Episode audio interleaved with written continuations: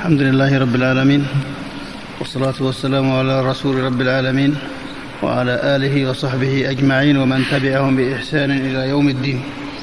وعنا معهم بمنك وفضلك وكرمك يا أكرم الأكرمين. قال المصنف رحمه الله تعالى غزوة مؤتة وهي سرية زيد بن حارثة في نحو من ثلاثة آلاف إلى أرض البلقاء من أرض الشام. قال محمد بن إسحاق بعد قصة عمرة القضية.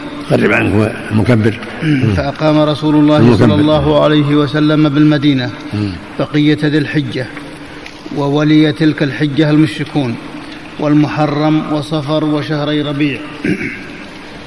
وبعث في جماد الأولى بعثه إلى الشام الذين أصيبوا بمؤتة. فحدثني محمد بن جعفر بن الزبير. عن عروة بن الزبير قال بعث رسول الله صلى الله عليه وسلم بعثه إلى مؤتة في جماد الأولى من سنة ثمان.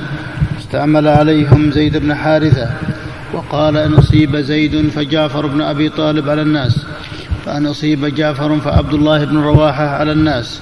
فتجهز الناس ثم تهيأوا للخروج وهم ثلاثة آلاف.